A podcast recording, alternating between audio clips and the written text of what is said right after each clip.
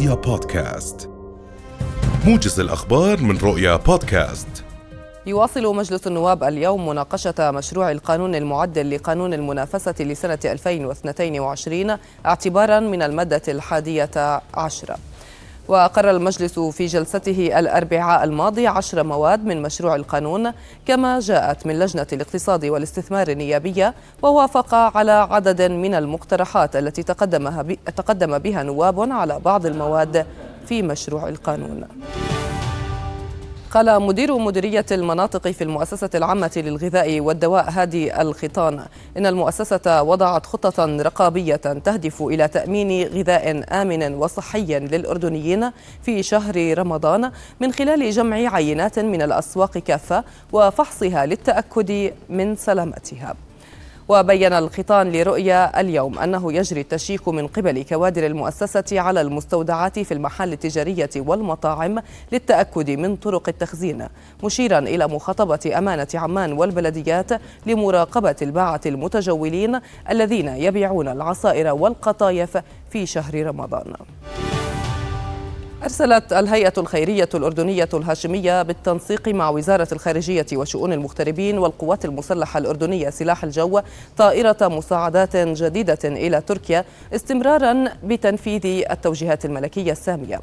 وتحمل الطائرة على متنها 11 طنا من المواد الغذائية والطرود الصحية لإيصالها إلى منطقة هاتاي ليصاروا إلى توزيعها على مستحقيها من المتضررين إثر الزلازل المدمرة. أعلنت وزارة الداخلية إجراء تغييرات على أذونات الإقامات السنوية التي تمنح للطلبة الجامعيين العرب والأجانب الذين يدرسون في الجامعات الأردنية.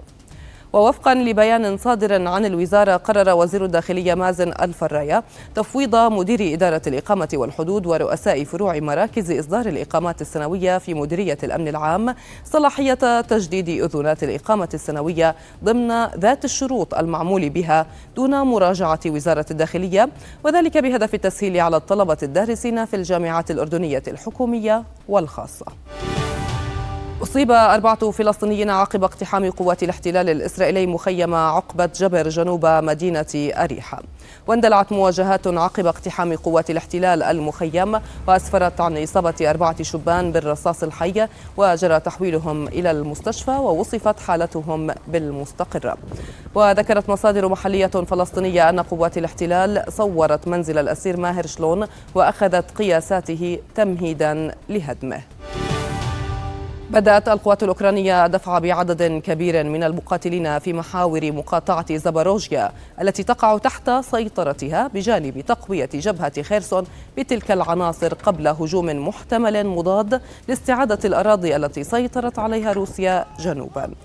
ويأتي هذا التحرك الميداني بالتزامن مع تقدم كبير لموسكو في جبهة الشرق واقتراب السيطرة على محور دونباس الاستراتيجي ميدانيا قال مسؤول عسكري أوكراني في جبهة دونباس إن موسكو تحاول بلا هوادة تطويق باخموت والسيطرة عليها. مؤكدا أن الوضع على الجبهة أصبح مرعبا للغاية.